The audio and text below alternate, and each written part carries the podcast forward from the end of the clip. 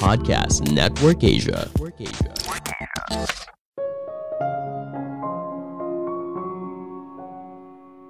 Elon Musk batal beli Twitter. Apakah ini prank? Halo semuanya, nama saya Michael. Selamat datang di podcast saya, Sikutu Buku. Kali ini saya akan membahas babak baru Elon dan Twitter. Di bulan April lalu, Elon Musk setuju untuk membeli Twitter seharga 616 triliun rupiah. Sekarang dia memutuskan kalau penawaran itu batal. Tentunya hal ini membuat Twitter tidak senang dan akan mengusut masalah ini ke meja hijau. Apa yang terjadi? Apakah Twitter bisa memaksa Elon untuk tetap membeli sesuai janjinya? Sebelum kita mulai, buat kalian yang mau support podcast ini agar terus berkarya, caranya gampang banget. Kalian cukup klik follow. Dukungan kalian membantu banget supaya kita bisa rutin posting dan bersama-sama belajar di podcast ini.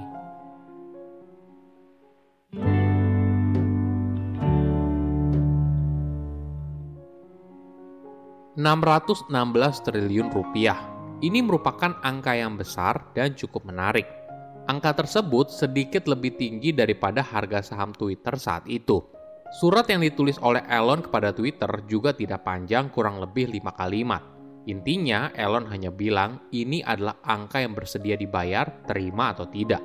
Saat itu Twitter juga tidak berniat untuk dijual. Mereka juga tidak mencari pembeli atau mencari seseorang untuk mengambil alih perusahaan. Selain berbicara secara terbuka kalau Elon berniat untuk membeli Twitter, dia lalu naik ke atas panggung dan berbicara di konferensi bergengsi bernama TED dan menjelaskan secara lebih detail soal rencana dia terkait Twitter. Misalnya Elon berbicara soal kebebasan berpendapat di Twitter. Saat ini, Twitter terlalu banyak melakukan moderasi konten, misalnya menghapus konten atau melarang seseorang untuk berada di Twitter. Jadi, Elon berjanji ketika dia mengambil alih, maka dia akan menghapus semua kebijakan moderasi konten dan membiarkan pengguna untuk mengunggah apa pun selama bukan hal yang ilegal. Apa reaksi karyawan Twitter? Mereka terkejut, bingung, bahkan memberontak.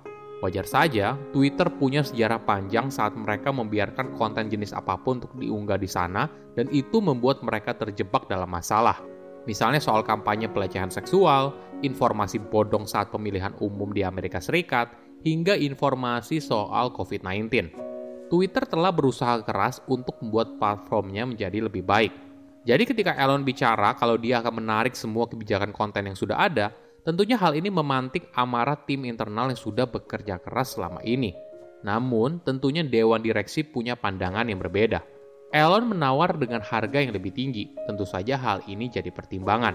Hingga akhirnya 10 hari setelah tawaran pertama Elon, Twitter pun menerimanya. Namun kenapa semuanya jadi berantakan?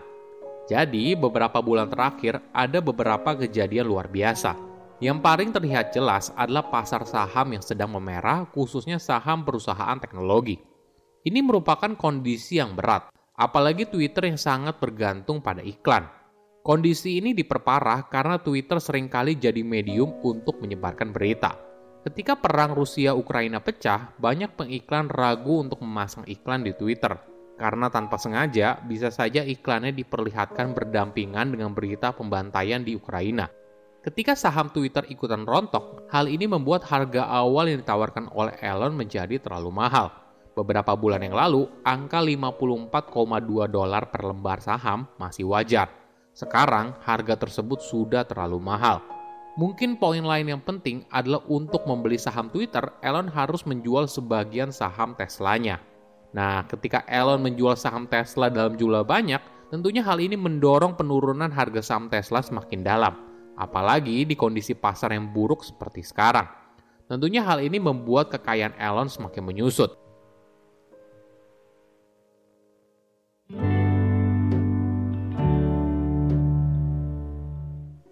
Apa alasan Elon untuk membatalkan pembelian saham Twitter? Alasannya bukan hal yang baru. Ini keluhan lama Elon soal Twitter, khususnya soal spam bot yang merupakan akun palsu. Sebagai informasi, sebuah bot adalah akun otomatis yang bisa mengunggah tweet sendiri tanpa adanya campur tangan manusia. Ini adalah masalah besar bagi Elon. Dia ingin membasmi semua spam dan scam bots.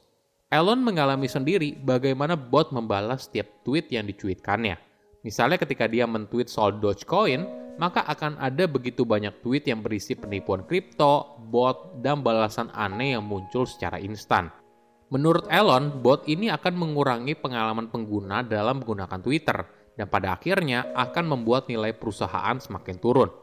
Twitter berargumen kalau hanya 5% pengguna aktif mereka merupakan bots dan sudah melakukan segala cara untuk menghilangkan semua akun palsu.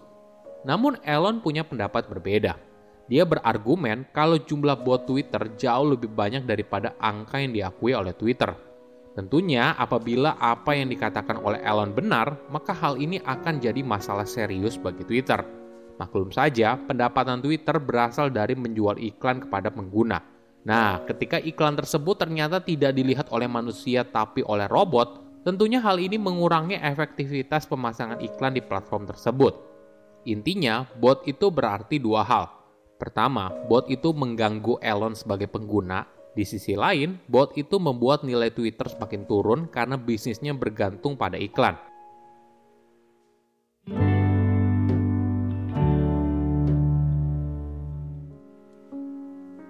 Pengacara Elon lalu mulai mengirimkan surat kepada Twitter untuk meminta informasi soal bagaimana mereka menghitung bot dan akhirnya bisa menjawab pada angka 5%.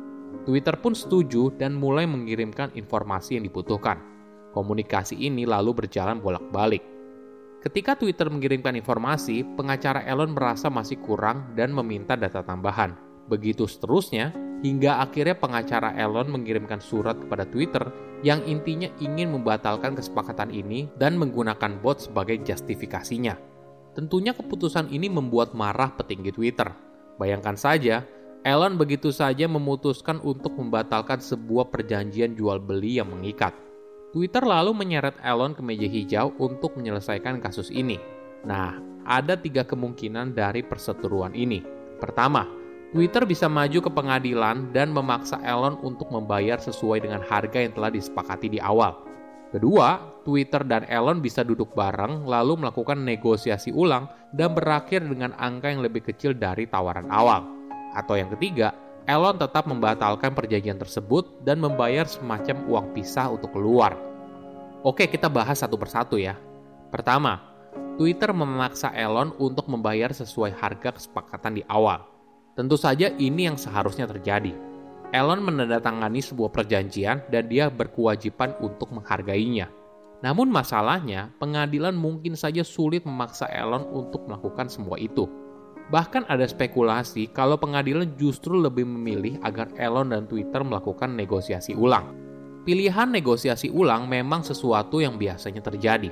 Di masa lalu, pihak pembeli sering kali mengatakan kalau dia tidak ingin kerjasama ini dan memutuskan untuk membatalkannya. Padahal ini sebenarnya merupakan taktik untuk menurunkan harga.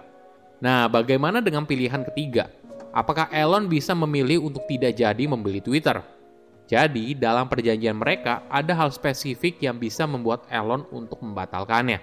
Apabila pendanaan Elon gagal dan bank yang seharusnya ikut mendanai perjanjian ini juga ikut gagal, maka Elon bisa membatalkan perjanjian tersebut tetapi tetap harus membayar 14 triliun rupiah.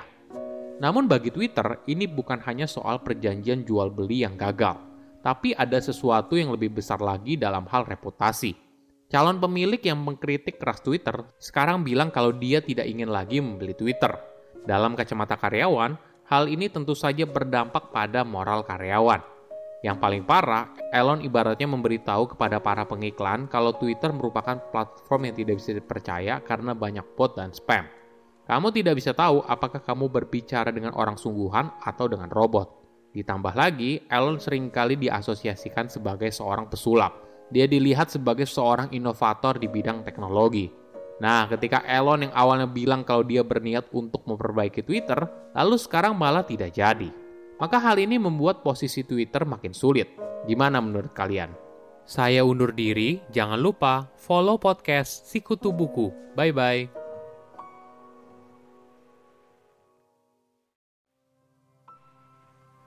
Pandangan dan opini yang disampaikan oleh kreator podcast, host, dan tamu tidak mencerminkan kebijakan resmi dan bagian dari podcast Network Asia. Setiap konten yang disampaikan mereka di dalam podcast adalah opini mereka sendiri dan tidak bermaksud untuk merugikan agama, grup etnik, perkumpulan, organisasi, perusahaan, perorangan, atau siapa pun dan apa pun.